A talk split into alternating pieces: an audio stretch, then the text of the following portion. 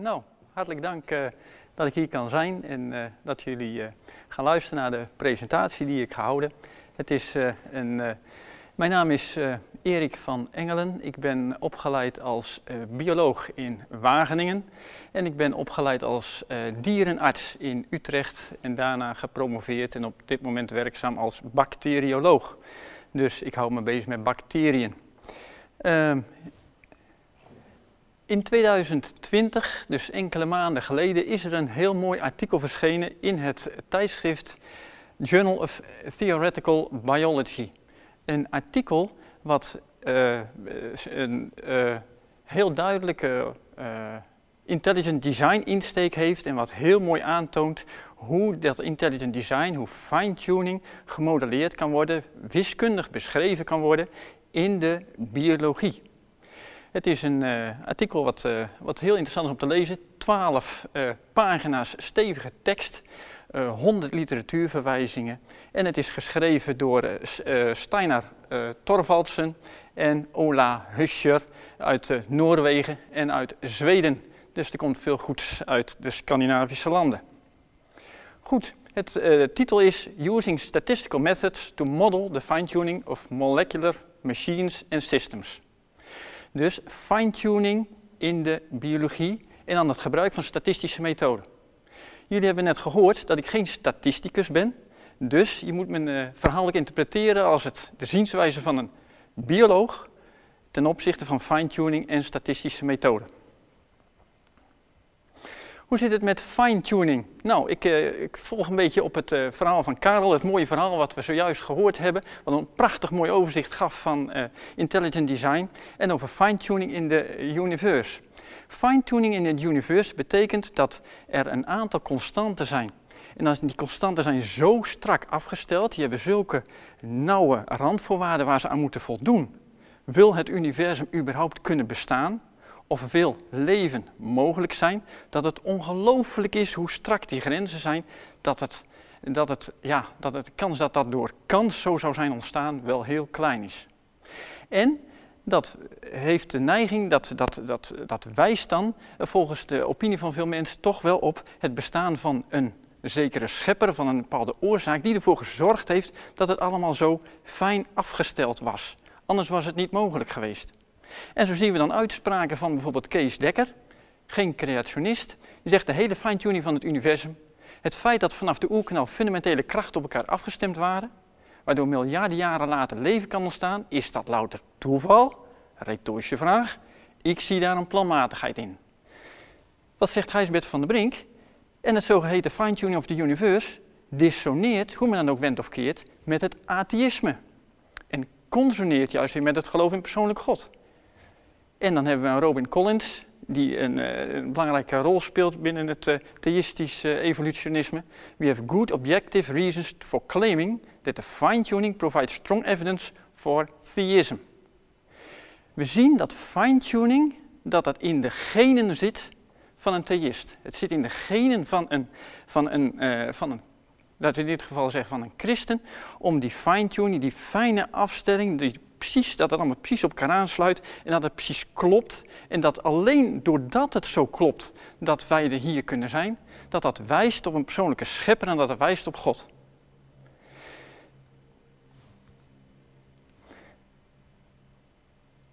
Die fine-tuning en dat alles zo wijst op een schepper of God, dat het een vorm van intelligent design is, dat zit dus in de genen, dat zit in de gedachtegoed van een christen, maar dat zit eigenlijk in de gedachtegoed van ieder mens. Eigenlijk is ieder mens, als die als kind, als die als jong kind opgeboren wordt, zit een bepaalde gedachte van doelmatigheid in. En ieder kind heeft de gedachte van, dat, is, dat, zit, uh, dat, zou je, dat, zit, dat zit ingebakken met de opgroei van, wat is de functie van iets? Waarom is iets zo? En dat is niet alleen in de, dat is in de gedachte van een kind, maar dat is met het opgroeien in de gedachte van een bioloog, van wetenschapper zit ook ingebouwd. Als een bioloog een bepaalde structuur ziet, dan denkt hij reflexmatig niet van, hé, hey, hoe zou dat door toeval ontstaan kunnen zijn? Dan denkt hij, wat is de functie daarvan? Dat is het mooie van de biologie. Dus intelligent design, fine-tuning, dat soort gedachten, dat zit in de genen van een mens van natuur. En daarom uh, daarom is, dus is het steeds, dat, dat uh, moet er steeds op gehamerd worden. Kan niet anders dan continu op gehamerd worden dat het niet zo is, waardoor mensen dat niet willen zien. Dus uh, mensen die intelligent design aanhangen, die hebben eigenlijk de, de intuïtieve gedachte, de intuïtieve beeld van de werkelijkheid, zoals dat gemeengoed is in deze wereld. En door dat alleen continu onderuit te drukken, kun je dat wegwerken. Maar goed, dat is intuïtief. Wij mensen zijn intuïtief in staat om bepaalde structuren te onderscheiden van dingen die structuurloos zijn. En een wetenschapper is daar helemaal sterk in. Hoe groter de wetenschapper, hoe meer die in staat is om structuren te onderscheiden ten opzichte van geen structuur en dan intuïtief daar een bepaalde dingen in te zien en bepaalde oorzaken in te gaan zitten zoeken. Dat is het juiste verschil tussen een, een goede wetenschapper en een niet goede wetenschapper die, ja, die dwaalt in bepaalde zaken en die intuïtie niet heeft. Maar dat is nog intuïtief. En deze uh, wetenschappers, in dit artikel, wordt dat dan geprobeerd om dat wiskundig te modelleren. Nou, en dit zijn dan de wetenschappelijke formules die dan, of de wiskundige formules die dan in het artikel naar voren komen. Nou, hier zijn er een stuk of elf op een rijtje. Dat valt voor een theoretisch uh, artikel en een wiskundig modelleren valt dat denk ik nog wel mee. Ze zien er redelijk ingewikkeld uit. We gaan een aantal gaan we bespreken. Uh, een aantal uh, laten we een beetje schieten. Goed, gaan we verder. Dit is de opbouw van het artikel. Een, een, artikel heeft altijd, een wetenschappelijk artikel heeft altijd een opbouw van een introductie en dan een bepaalde uh, materialen en methoden. En dan heb je uh, een soort resultaten en een conclusie. En dan heb je nog een soort uh, eindconclusie en nog wat heeft dat voor gevolgen verder. Dus deze vers verschillende punten, die gaan we vervolgens nu langs. De introductie is uh, over de fine-tuning of the universe. Dat onze, ons zonnestelsel en dat heel de, ons heelal, dat heel de werkelijkheid fijn getuned is. Dat ontstond een beetje pakweg eh, in de jaren in 1974 en de volgende jaren.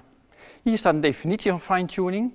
Fine-tuning is used to characterize sensitive dependencies of functions or properties on the values of certain parameters. Oftewel, als bepaalde constant bepaalde parameters iets anders waren geweest, dan was het fout gegaan. Maar dat precies zo is en dat het heel erg daarvan afhankelijk is, dat is de fine-tuning. Nou, een fine-tuning is een object met twee verschillende eigenschappen. Het is bijna niet mogelijk, het is haast onmogelijk dat het door kans is ontstaan. Zo onwaarschijnlijk is de kans dat het, dat het eigenlijk haast niet kan. En het is conform een onafhankelijke specificatie. Dat hebben we net in de, in de lezing van uh, Karel hebben we dat ook gezien. Er is een onafhankelijke specificatie van zegt, ja, het bijvoorbeeld een bepaalde functie. Het heeft een bepaald doel. Het is ergens voor. als iets heel onwaarschijnlijk is, maar het is nergens voor, een willekeurige uh, serie cijfers, dan is dat niet iets van fine-tuning, maar het moet, het moet ergens iets, een, bepaalde functie hebben. En in de biologie is dat kristalhelder dat een bepaalde enzym voor een bepaalde functie is. Hè. In een bepaald theoretisch voorbeeld kan dat soms lastig zijn, maar in de biologie is, zijn daar geen vragen over vaak. En wat is dan design? Een specification of plan, een plan of een constructie voor een bepaald systeem. Of het resultaat van het plan, dus het systeem wat onder design gebouwd is. En dat is dus intuïtief is dat heel sterk. En dat, zit, uh, dat hebben, bijna alle mensen hebben dat. En de fine-tuning is bottom-up en design is dan top-down, zeggen ze. En het doel van het artikel was, kunnen we die fine-tuning, kunnen we die aantonen in de biologie? En kunnen we dat statistisch formuleren? Nou, en dan gaan ze naar de statistische methode en er zijn heel veel verschillende statistische methoden. Ik ga er wat sneller doorheen. Ze hebben dan een aantal bladzijden die ze eraan eh, besteden. En uh, nou, ik heb wel eens wat uh, aan mijn haren moeten krabbelen om even te kijken van hoe zit het nou precies in elkaar. Verschillende methoden, statistiek, waar deze hoogleraren in de statistiek eh, in uh, doorwrocht zijn. Hè. Dat is hun dagelijks werk. En als bioloog doe je dat toch uh, soms net wat minder. Maar het gaat er dus om dat ze aantonen dat onder een bepaalde kansverdeling de kans op iets ontzettend laag is. Je hebt twee soorten statistiek. Je hebt de frequentistische statistiek, dat is de standaard statistiek zoals we dat, ja, zoals de meeste mensen in opgeleid zijn. Eh, de statistiek zoals dat op de middelbare school geleerd werd, eh, ja, nou ja, in mijn tijd dat je wiskunde A had en later ook. En je hebt de Bayesiaanse statistiek. De Bayesiaanse statistiek was in mijn opleiding was het nog niet, is later naar voren gekomen. Maar dat is een hele andere vorm van statistiek. Ook een hele leuke vorm. Maar de, deze wiskundigen kunnen al die verschillende manieren van statistiek kunnen die toepassen om te kijken hoe zit het nou met die fine-tuning in de biologie. Dan kun je parametrische en non-parametrische methoden gebruiken, oftewel verdelingsvrije methoden of niet verdelingsvrije, oftewel ze zijn niet gebonden aan een bepaalde methode om, uh, om de statistiek te bedrijven van de fine-tuning, maar hebben daar zo hun methoden voor. De belangrijkste taak van fine-tuning is om vast te stellen of een bepaalde event, een bepaalde gebeurtenis, erg onwaarschijnlijk is dat die plaatsvindt door kans. Oftewel, de, uh, de prevalence die is heel laag, de prevalentie, het voorkomen ervan. Dan heb je hier, wordt het dan weergegeven, de kans op de gebeurtenis A gegeven theta, de theorie, gegeven een bepaalde theorie, wat is dan de kans op A? Dat is voor alle uitkomsten van A, dus opgeteld alle uitkomsten van x is een element van A, waarbij, waarvan van x geldt dat dat mits A, dus mits de theorie, alle uitkomsten x, bij elkaar opgeteld, geeft de kans van A. Als je dan hier onderaan heb je de Bayesiaanse vergelijking. En, maar goed, daar gaan we eventjes, uh, dat gaat wat te ver.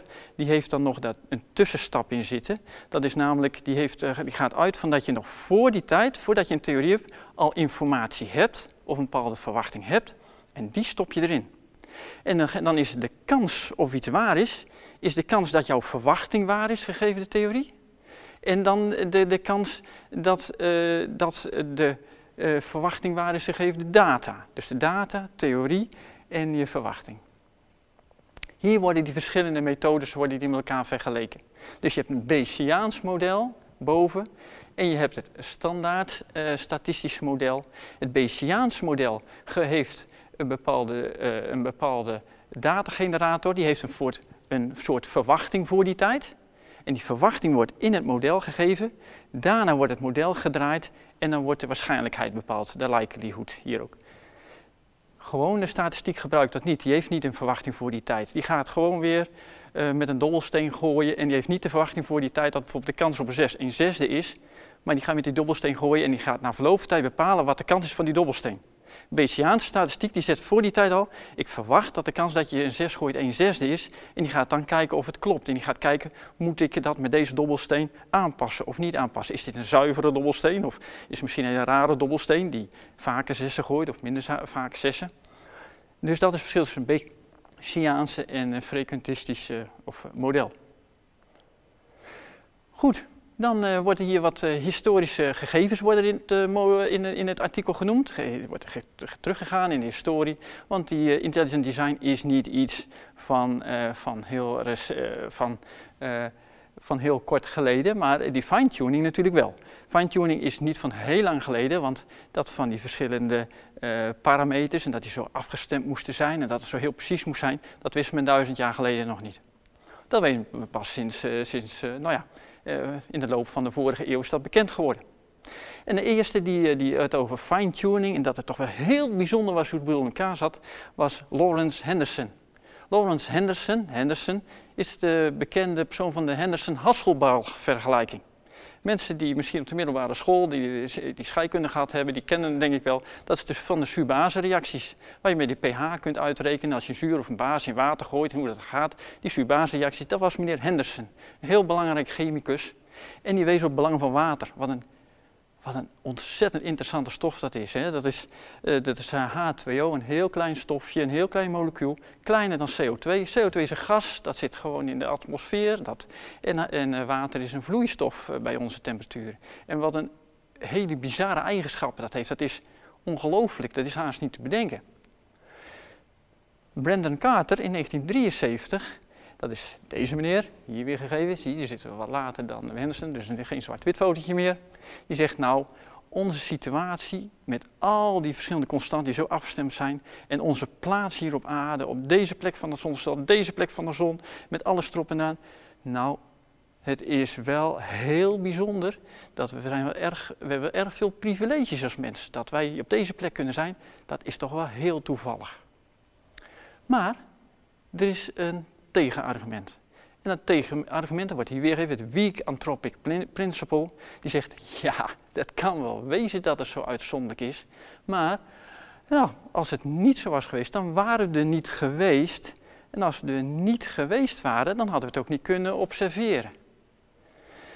Dat is het argument daartegen. Aan de andere kant is daar ook weer een argument tegen. En het, eh, maar op zich is het een heel raar argument, want eigenlijk had het zo kunnen zijn dat die parameters helemaal niet zo fijn afgesteld hadden hoeven zijn. Toch? Het had ook zo kunnen zijn dat die parameters dat het heel wijd was en dat het volkomen logisch was en dat, dat het allemaal volkomen in de bandbreedte was. Het had zo kunnen zijn dat er overal soorten aarde ronddwarrelden, dat er overal water was. Dat had zo kunnen zijn, maar dat is dus niet zo hè. Dus, eh, maar dat weak anthropic principle dat wordt dan vaak als tegenargument ook vaak gebruikt van uh, het voorbeeld van een vuurpeloton. Je hebt iemand die staat voor de vuurpeloton. Je hebt 50 scherpschutters voor hem staan. Die scherpschutters zijn goed getraind en die schieten allemaal 12 kogels. 600 kogels van heel dichtbij op de vuurpeloton. Die persoon overleeft dat. Wat denkt die persoon? Denkt die persoon van, ja, nou ja, dat is, eh, als ik het niet geleefd had, had ik het niet geweten. Dus het is volkomen toevallig dat ze hem allemaal gemist hebben. Of denkt die persoon, er is een reden geweest dat die 50 scherpschutters met die 12 kogels mij gemist hebben van korte afstand. Nou, eh, intuïtief weten we allemaal van, het is toch rationeler dat die persoon denkt, er zal wel een boodschap achter zitten dat ze me gemist hebben, dan dat het volkomen toeval is geweest. Dat is het eh, argument wat daar weer tegen ingebracht wordt. Dat argument wordt ook door Gijsbert van der Brink gebruikt en anderen. Dat is een heel mooi argument tegen, het, uh, tegen de mensen die fine-tuning niet willen zien als een argument voor theïsme. Het fine-tuning argument is niet zozeer echt een heel strikt uh, uh, statistisch argument. Uh, er is sprake van abductie. Het is sprake van het maakt de zaken onwaarschijnlijk of waarschijnlijk. En als je dan verschillende theorieën afweegt met elkaar, dan moeten de atheïstische gedachten, gedachten dat er geen bedoeling achter zit, die moeten dan toch als onwaarschijnlijker afge afgezet worden, zoals in de vorige presentatie ook weergegeven is. Hoe uh, is het dan uh, verder gegaan? Hoe hebben mensen daar verder uh, woorden aangegeven als het gaat over fine-tuning in de biologie? Nou, dan hebben we hier de verschillende personen en verschillende namen die al aan bod zijn gekomen, hebben we hier ook weer gegeven. Dan heb je William Dembski, die heeft dan inderdaad over abductive reasoning, wat we net ook zeiden, dat is abductie, het afwegen van een bepaald patroon. Kan dat, wat is de kans dat het door kans tot stand kwam? En het heeft nog een bepaalde functie ook nog of dat het door toeval tot stand kwam. En wat is dan het meest waarschijnlijke? Abductie, het, je weegt het af. Wat is dan het meest waarschijnlijke? En die zegt fine-tuning is een betere verklaring voor het universum. Ik heb die voor een betere verklaring dan het multiversum. Het multiversum, dat is nog wel eens de oplossing die een, uh, iemand uh, kiest uh, als die ehm, niet erin mee wil gaan dat fine-tuning wijst op een bepaalde schepper, op een bepaalde oorzaak daarvan. En zegt ja, er zijn ontzettend veel verschillende uh, uh, universa. En die verschillende universa is dit degene van ons uh, die heel geschikt is voor ons toevallig. Dat is een van die verschillende universa. En daarom, daarom zijn wij hier. En wij zijn gewoon de gelukkigen die hier op, in, op, in dit universum geplaatst zijn. Nou zegt hij weet redenen weer te geven dat dat het multiversum concept niet een betere verklaring vormt dan het concept van dat er een uh, intelligente oorzaak is. Biologische informatie begint, uh, is uh, een belangrijk item geworden. Een van de eerste grondleggers die zei de evidence of purpose was Sir John Marks Templeton. Templeton, daar is de Templeton Foundation, is daarna genoemd. En die wijst op dat er echt een purpose zit. Dat er een evidence, dat er bewijs is, dat er purpose is in de, in de biologie.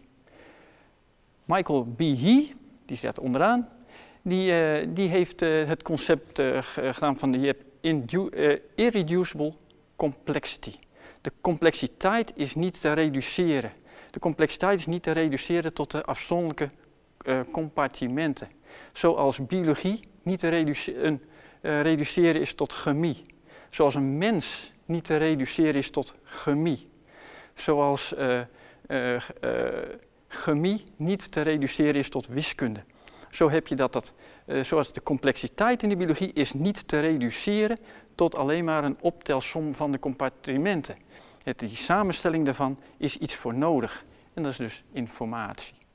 En ze kunnen dus ook niet dus door uh, kans, door toevallige processen ontstaan door, uh, door evolutie, door kleine stapjes van een eenvoudig, van een eenvoudig iets tot een heel complex iets. Dat kan niet door kleine stapjes ontstaan, omdat die stapjes uh, niet kunnen leiden tot dat systeem. En er is dus geen levensvatbare voorouder van een bepaald systeem. En de stap in één keer is heel ongeloofwaardig. En er wordt gezegd dus, levende vormen, die hebben structuren en functies die echt het beste kunnen worden begrepen als nano-level engineering. Dus je hebt het vak nanobiologie schijnt te bestaan. Nou, die bestudeert die nano-level engineering, dat, dat enorme, hoe ingewikkeld, hoe prachtig die structuren op nanoniveau eh, in, op elkaar ingrijpen, dat is echt briljant. Nou, en dan is de discussie van, nou, hoe gaan, ze, hoe, uh, hoe gaan we dan uh, kijken, op wat voor niveau gaan we kijken naar dat die waarschijnlijkheid dat die nou heel laag is. En dan gaan ze op verschillende niveaus gaan ze kijken, op het niveau van functionele eiwitten, dus het kleine niveau van eiwitten, dan wat groter niveau, eiwitcomplexen, en een nog groter niveau, cellulaire netwerken functionele eiwitten. We hebben hier een heel mooi eiwit. Die eiwit is, eh, hier zijn de afzonderlijke aminozuren niet weergegeven, want het zou nog ingewikkelder worden. Dus het is wat, wat, wat meer schematisch weergegeven. Dit eiwit is een beta-lactamase. Een beta-lactamase is een eiwit wat bepaalde bacteriën uitscheiden om penicilline af te breken. Penicilline gebruiken wij om bacteriën dood te maken, hè, om infecties te bestrijden. En er zijn bacteriën die maken een enzym en dat enzym dat maakt dat penicilline onschadelijk. Dit kleine stofje hier, dit kleine dingetje, dat is penicilline. En deze hele grote structuur is dat penicillinase, het beta-lactamase, wat dat kleine penicilline afbreekt. Het is een hele ingewikkelde structuur. Nou, daar is onderzoek naar gedaan. Wat is de kans dat zo'n uh, zo'n beta-lactamase door toeval zou zijn ontstaan? Nou, daar heeft uh, X heeft ernaar gekeken, die heeft er experimenteel onderzoek naar gedaan. En zegt, nou ja, bijvoorbeeld je hebt zo'n functioneel eiwit en die heeft 150 aminozuren.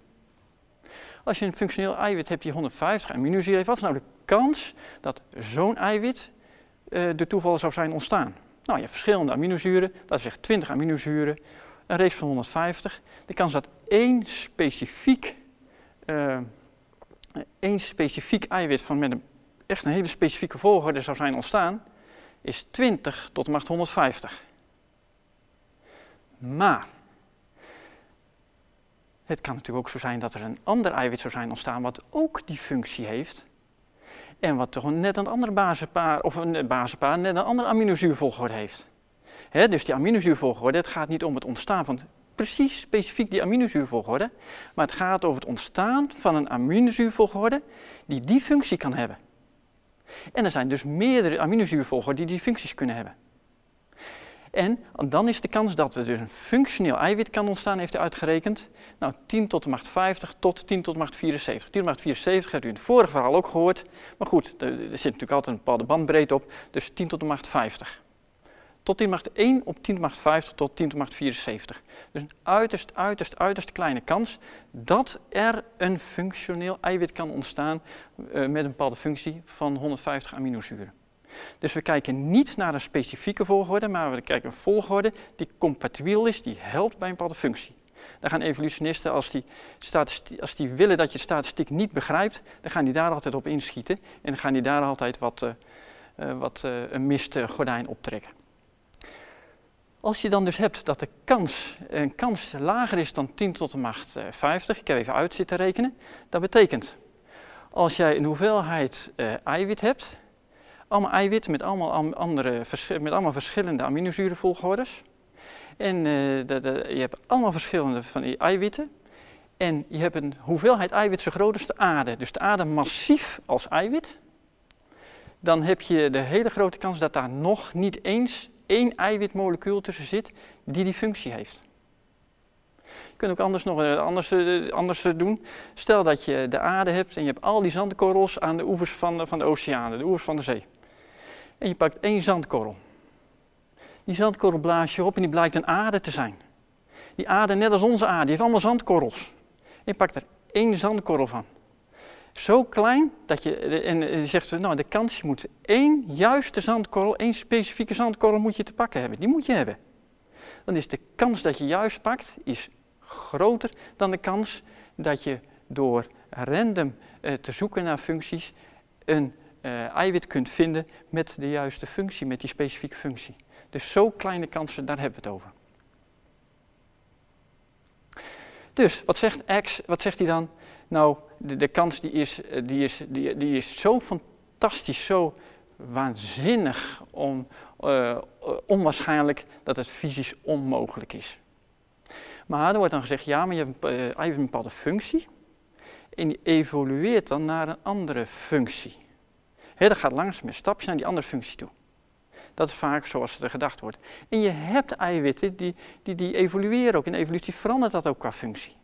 Maar wil je echt naar een compleet andere functie toe, die echt helemaal totaal anders is, dat is anders dan dat het een soort net wat afwijkende functies is. Net, net iets wat variatie erin, net een ander temperatuuroptimum, net een wat ander stadium van het leven, dat het uh, op een net een wat andere uh, orgaansysteem waarin het werkt is, maar echt een compleet andere functie. Dan is daar zo'n mijlenverre afstand in aminozuurvolgorde dat die niet te overbruggen is. Vaak zie je dan schemaatjes van evolutie en dan zie je, even kijken, kan ik dat zo weergeven met, zie je een evolutie en dan zie je bijvoorbeeld een bepaald eiwit en eiwit die zit hier en die gaat dan evolueren, dan gaat iets naar beneden en dan wordt het een ander eiwit en dan gaat het naar een ander optimum. Dit is een bepaald optimum waar die in zich bevindt. En die eiwit heeft een bepaald optimum en die moet een ander eiwit worden. En het andere eiwit heeft zijn eigen optimum en er moet even een dalletje in dat het wat minder optimum wordt. En dat, er dan, dat hij dan daar naartoe evolueert. En dan, zegt, en dan wordt gezegd ja dat is, wordt hier altijd weergegeven met zo'n mooi bergsysteem en dat zit heel dicht bij elkaar. En dan moet hij even naar beneden en heeft hij een andere functie. Dat is gewoon niet waar. Tussen die ene functie en die andere functie zit een mijlenverre oceaan. Daar zit een complete Sahara aan uh, sequenties die, die niet zinvol zijn, zitten daartussen. En dat is het jammer altijd van dat soort afbeeldingen die stonen. Dan lijkt het altijd alsof je zomaar van functie naar functie kan dwarrelen. Er zijn uh, functies die redelijk makkelijk overgenomen kunnen worden, maar er zijn ook functies waarbij dat compleet niet waar is. Eh, dit is uh, Koenin. En Koenin, die, uh, dat is een, een, een groot, een groot bioloog, een groot bioloog in de, in de evolutietheorie is hij ook een belangrijk man. Hij heeft een hele belangrijke rol gespeeld in de CRISPR-Cas ontdekking. Hè. Dat, is, dat is die methode om genetische manipulatie te doen van het DNA. Dus een heel, een heel groot wetenschapper. En, maar en die heeft dus uitgerekend wat de kans is dat er een evolueerbaar systeem ontstaat uit de natuurlijke bouwstenen. Dan gaat er vanuit dat ergens in het begin van het leven, dat er dan uh, ergens wat RNA was, of wat eiwitachtig iets, of het RNA dat begon ook functionele betekenis te krijgen, of uh, niet alleen al een codering, maar dat het ook wat kon doen. Dan heb je informatie in het RNA en je hebt het iets doen wat de eiwitten doen, hè, dat die doen metabool iets, die doen wat. En dat is in het begin, wordt gedacht, is dat gekoppeld bij elkaar. Hij zegt, we willen een evolueerbaar systeem hebben, moet het uit elkaar. En dan heb je dat er een soort leessysteem van informatie moet komen. Wat is de kans dat zo'n systeem ontstaat? Nou, dan heeft hij, komt hij tot de kans dat dat ontstaat binnen de leeftijd. Als evolutie gezegd van een paar, eh, van een paar miljard jaar, dat verondersteld zou worden dat het heelal bestaat, is de kans dat dat ontstaat is 10 tot de macht min 1018. En als je dan kijkt wat voor aannames hij doet, dan rekent hij al heel erg naar zichzelf toe. Dan heeft hij dat de kans al behoorlijk naar beneden gewerkt. Als je dan eh, als je denkt van nou, zou dat nou evolueerbaar zijn, moeten we er niet nog wat, dan zouden er nog heel wat nulletjes bij komen waarschijnlijk. Wat is de oplossing die hij gekozen heeft? Dat is het multiversum. Hij zegt, er is een uh, hij veronderstelt dat er een multiversum is, dus een oneindig, een oneindig aantal universa. En als je een oneindig aantal universum eh, hebt, dan zal er ergens wel iets gebeuren wat compleet onwaarschijnlijk is. Hoe onwaarschijnlijk ook, je hebt een oneindig eh, aantal universa, dus het zal een keer ergens gebeuren. En het is hier gebeurd. Hier is die onwaarschijnlijke kans dat het is hier gebeurd, is ons universum. Het leuke is, als je, dit, als je deze gedachte doorgaat, dan is elk wonder bijna mogelijk in zijn ogen. Want dan kunnen er ook andere dingen gebeuren. Er kan niet zomaar het paard van Napoleon verschijnen, omdat op de een of andere manier die moleculen van het paard van Napoleon toch hier in één keer in deze, in deze kerkzaal verschijnen. Dat zal ergens in een universum zal dat gebeuren, want je hebt oneindig aantal universa. Oftewel, de wetenschap is dan, wil hij specifiek opheffen op het punt van ontstaan van leven. Maar als hij dat opheft, dan heft hij dat ook op voor de rest van, van, de, van de wetenschappelijke disciplines. dan is alles is dat mogelijk. Hij zegt ja, afgezonderd van, het moet wel voldoen aan de wetten van, uh, van uh, de behoud van energie en massa. Maar goed, als hier het paard van Napoleon plotseling ontstaat doordat de moleculen van buiten hier zo in één keer samenvoegen tot het paard van Napoleon, dan is dat, voldoet dat aan de wet van behoud van energie en massa, nietwaar? Goed, dit was op het gebied van afzonderlijke eiwitten. Dan gaan we nu naar het uh, gebied van eiwitten moeten samenwerken. Aan één eiwit heb je niks. Eiwitten werken heel vaak als complexen samen. En die complexen zitten helemaal om elkaar heen gevouwen. Die hebben heel veel interacties met elkaar. En dat wordt dan hier weer gegeven met bepaalde moleculen en een bepaalde oppervlakte van een eiwit. En dat moet op, dan heb je allemaal interacties. Je hebt hydrofiel, hydrofoob, dat weten mensen nog van scheikunde waarschijnlijk wel. Je hebt eh, elektrostatische krachten, je hebt dat sterische hindering, dat bepaalde groepen elkaar hinderen dat de vorm, of de vorm net op elkaar ingewerkt is of, of niet. En hoe die eiwitcomplexen op elkaar inwerken, er hoeft maar even iets anders te zitten en het complex werkt niet meer. Dus hoe die structuren op elkaar inwerken, hier zie je dan, hier, hier zie je dan het oppervlakte van ene stof en hoe dat dan inwerkt op de oppervlakte van andere stof.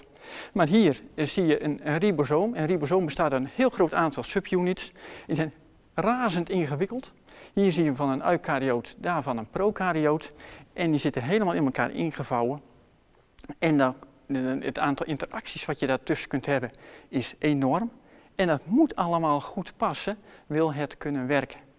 Nou, dan wordt er gezegd, er zijn op dit moment geen gedetailleerde Darwinistische verklaringen of, om, uh, om, dat, om dat soort, om dat verklaren hoe dat zou kunnen zijn ontstaan, is alleen een, variety of wishful speculations.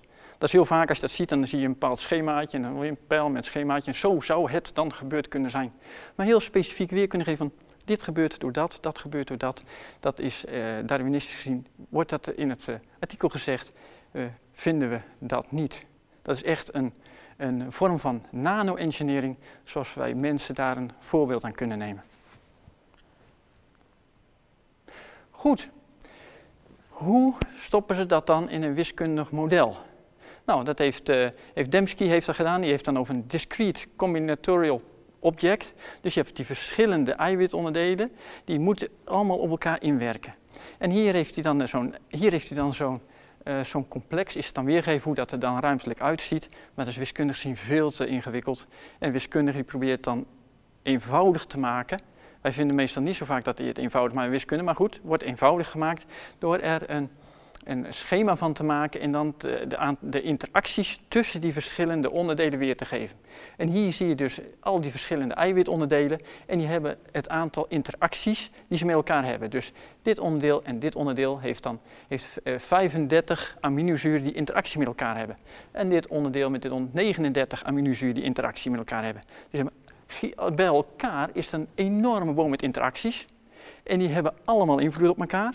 En die zijn allemaal van betekenis bijna. En zo zie je dat het uh, aantal mogelijkheden enorm is en uh, dat de, kans dat dat door toeval zou zijn ontstaan immens klein is. Nou, hier wordt het in die formule weergegeven. Die formule ziet er op zich best wel indrukwekkend uit, maar als je dat een beetje opknipt in verschillende stukjes, dan valt het nog mee. Dit is het tekentje, dat is, dit, is de, tota-, dit is de kans. En de kans dat dat plaats kan vinden, dat zo'n zo'n combinatorial object kan ontstaan, is ten eerste de kans dat er verschillende onderdelen kunnen ontstaan. De, dus uh, de verschillende de, uh, uitgangsbouwstenen, dat die kunnen ontstaan. Dat is de eerste kans die je moet hebben. Keer, en dan staat deze letter op, keer de kans dat ze bij elkaar kunnen komen. Keer de kans dat ze een complex kunnen vormen. En je hebt een heel kleine kans, keer een hele kleine kans, keer een hele kleine kans. En er wordt een uitermate kleine kans dat er, uh, dat er door toeval een, uh, een combinatorial object kan ontstaan. Ehm, in een ander artikel van, uh, van, van anderen wordt, uh, zie je bijvoorbeeld wat er wel eens gebeurd is. mensen, wetenschappers kunnen op dit moment kunnen die, hebben die bijvoorbeeld een bacterie. En die bacterie kunnen ze het DNA uithalen. En dan kunnen ze DNA van een andere bacterie instoppen van een verwante soort. En dan kan die verder groeien en dan leeft die. Er wordt wel eens gezegd, die mensen hebben een bacterie gemaakt. Die hebben het DNA eruit gehaald, ander DNA erin gestopt. De rest hebben de wetenschappers helemaal in stand gehouden. Dat is gewoon zo gebleven zoals het was. Dat andere, dus al die, al die stofjes en al die dingen die op dat moment in die bacterie aanwezig waren, die kunnen ze niet veranderen. Stel dat ze DNA hadden en ze gaan die van al die verschillende onderdelen, eiwitten, complexen, alles toevoegen om een levende bacterie te maken. Dat is, eh, dat is nog dat is ver voorbij de horizon. Dat dat in staat is dat mensen dat zouden kunnen doen. Dus je kunt wel DNA vervangen, maar die hele machinerie en al die eiwitten, op welke plek ze zitten, waar ze werken, hoe ze, hoe ze op dat moment klaar zijn met elkaar te werken. Dat, moet, dat moeten wetenschappers op dit moment nog gewoon een werkend systeem hebben. En alleen DNA kun je veranderen. Met het werkend systeem kunnen we nog van geen kanten in elkaar zetten. En ik geloof ook niet dat het ooit zover komt. Dat is, gaat naar de volgende toe, want als je een cel hebt, dat wordt wel vergeleken met een smart city. Die cel, in een cel heb je al die verschillende systemen die werken zo enorm ingewikkeld op elkaar in. Dat je kunt van ja, hoe, kan dat, zou dat door, uh, hoe zou dat door toeval kunnen ontstaan? Wat ik net zei, wetenschappers kunnen het nog niet eens in elkaar zetten, kunnen het nog niet bouwen. En wat wij niet met onze hersens, met onze intelligent design kunnen bouwen, wordt dan, wordt dan verondersteld wel door toeval te kunnen zijn ontstaan. Het aantal interactomen, dus interacties, is enorm. ik heb, uh, op, uh, op, de faculteit waar ik gewerkt heb, was een, uh, had een collega die deed onderzoek aan genregulatie. En die genregulatie, hoe die genen gereguleerd werden, hoe al die verschillende factoren worden ingrepen. En dat greep weer in op dit en dat weer greep weer in op dat. Het was duizelingwekkend. Het was het was hoofdpijnverwekkend, het was niet door te komen. En altijd dan heb je iemand anders even een ander systeem uit elkaar en dan werkt het nog weer anders. Dat is heel ingewikkeld hoe dat werkt. En daar hebben we nog eigenlijk weinig inzicht in. Hoe kun je daar onderzoek aan doen? Door perturbation experimenten, door bijvoorbeeld bepaalde dingen eruit te halen en dan te kijken wat er gebeurt. En dat is ook in, eh, in de modellering van het design is dat van belangrijk. Je gaat bepaalde dingen eruit halen, kijken wat gebeurt er nou Gaat er nou dingen fout of niet? Oké, dingen gaan niet fout. Eigenlijk is dit niet een essentieel element. Kennelijk is dit variatie die er niets toe doet. Die is, is niet belangrijk voor de functie. En zo kun je dan in elkaar doen. Dit is wel belangrijk voor de functie, dit niet. En dat geeft een bepaald beeld van hoe specifiek is het, hoe, uh, hoe ingewikkeld is het om door kans te zijn ontstaan. Zo'n smart city heeft verschillende lagen van complexiteit. Dat heeft het in een stad als Apeldoorn ook. En dat heeft het ook in een cel. En je hebt verschillende lagen. Je hebt het genoom, je hebt het proteoom, dus welke eiwitten zijn aanwezig. En je hebt het metaboloom, oftewel hoe werken die eiwitten op dat moment op elkaar in. En welke, eh, welk metabolisme vindt er op dat moment plaats. Goed, dan is er nog een ander aspect. Nou, ik ga een beetje over de tijd heen, ben ik bang. Um, en dat is het waiting time problem, het waiting time problem. Ik heb hier een heel bekend plaatje gedaan, een plaatje uit National Geographic van jaren geleden. Van, ik meen een meisje uit Afghanistan met die hele prachtige groene ogen. Dat was voor mij het beeld van, eigenlijk moest ik een plaatje met blauwe ogen, maar ik vond niet zulke mensen mooie plaatjes van mensen met blauwe ogen, dus dan een groen oog. Maar dat heeft voor mij altijd een heel echt inzichtelijk van, hé, hey, hoe zit het nou met het, uh, als er het waiting time problem is uh, van, uh, je hebt een bepaalde mutatie, en die mutatie, stel dat die heel gunstig is, stel die mutatie die heb je nodig om een prachtig, mooie, functioneel eiwit te krijgen in de toekomst. Dan is bij één individu, uh, individu is die mutatie ontstaan.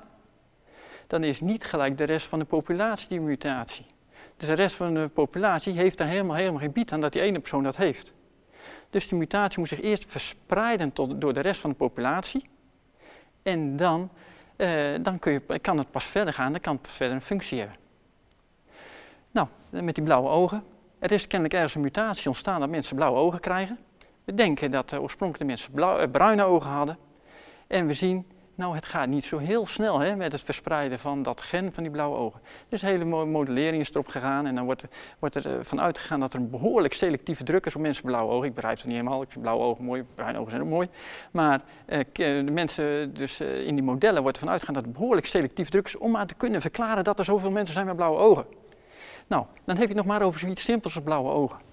Maar als je dan compleet functionele zaken hebt, moet je echt veel mutaties hebben die na verloop van tijd gaan leiden tot dat functionele eiwit. En dat heb je het waiting time probleem. Nou, wat is de tijd die je nodig hebt voordat er een aantal mutaties leiden tot een, eh, tot, uh, dat, uh, tot een functioneel anders iets? Tot hoeveel, hoeveel tijd gaat er overheen? Nou, dat wordt hier weergegeven, de expected time. En de time is hier, wordt de afzonderlijke, hier staat de formule zoals die in het, in het artikel staat, is 1 plus c. En die c is, wat voor mutaties heb je nodig? Het aantal bazen, aantal bazen 3, tot de macht m. m is het aantal mutaties wat je nodig hebt.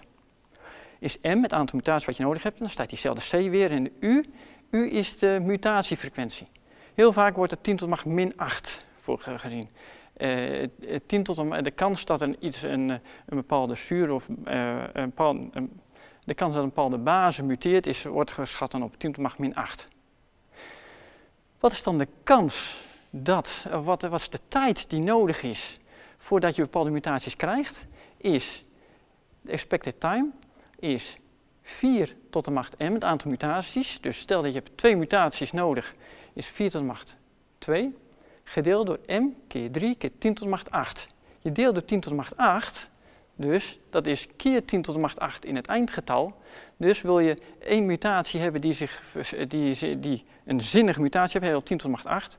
Wil je twee mutaties hebben, is al 10 tot de macht 8 keer uh, eh, 4 in het kwadraat. Dus neemt af. En we hebben bijvoorbeeld 100 mutaties nodig om tot een uh, functioneel uh, nieuw eiwit te komen. Dan worden het een astronomische getallen worden dat dan.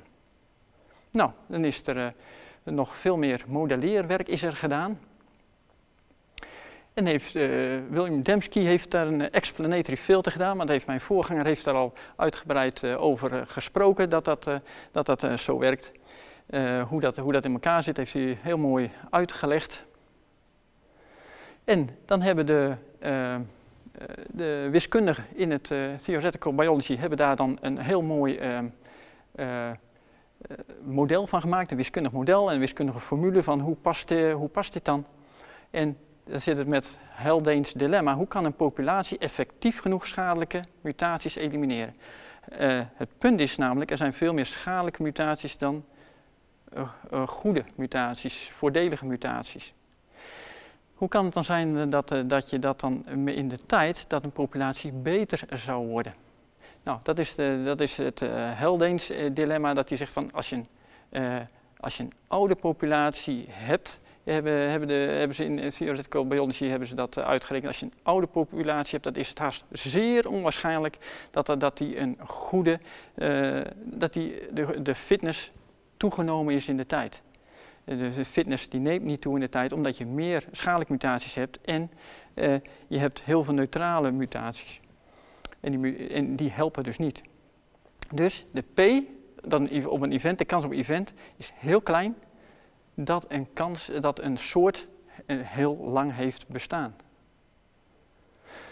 Dan is het tegenargument, ja, maar is dat geen fine-tuning of the van ja, hallo, uh, dit is een, eh, een, gap in onze kennis, we weten het nog niet, het is fine-tuning of the gaps. Dit is eigenlijk een variant op het argument van God of the gaps, van je weet het niet, en, nou, dan vul je er God voor in. Nou, dit is een fine-tuning, want je weet het nog niet. Nou, zeggen ze nee, dit is gewoon, je hebt gewoon twee verschillende modellen. Je hebt het model het is kans, of je hebt een model van er is misschien wel iets als intelligent design.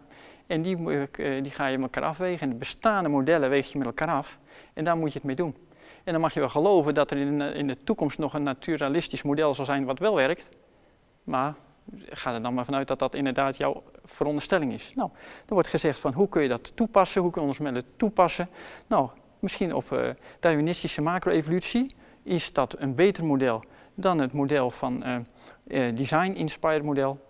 Of humaan de mens en de chimpansee, zijn, dat, zijn die afzonderlijk ontstaan of hebben die een gezamenlijke voorouder? Die modellen kun je tegen elkaar afzetten en dan kun je dan vergelijken van wat is zinnig, uh, welke heeft de grootste waarschijnlijkheid. Goed, nou, de conclusies die, die in het artikel getrokken worden.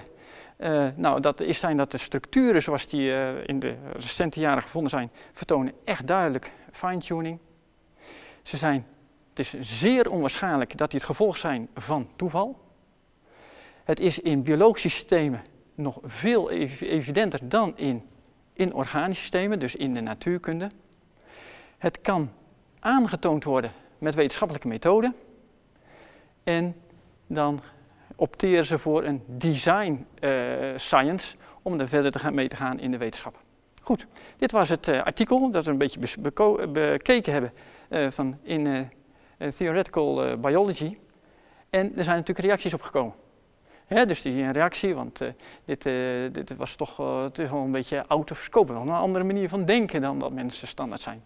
Dus heel vlak daarna is een reactie gekomen van een zekere Joseph Lachance. Ik vond het een ontzettend leuke naam, want Chance, dat vond ik echt heel toepasselijk.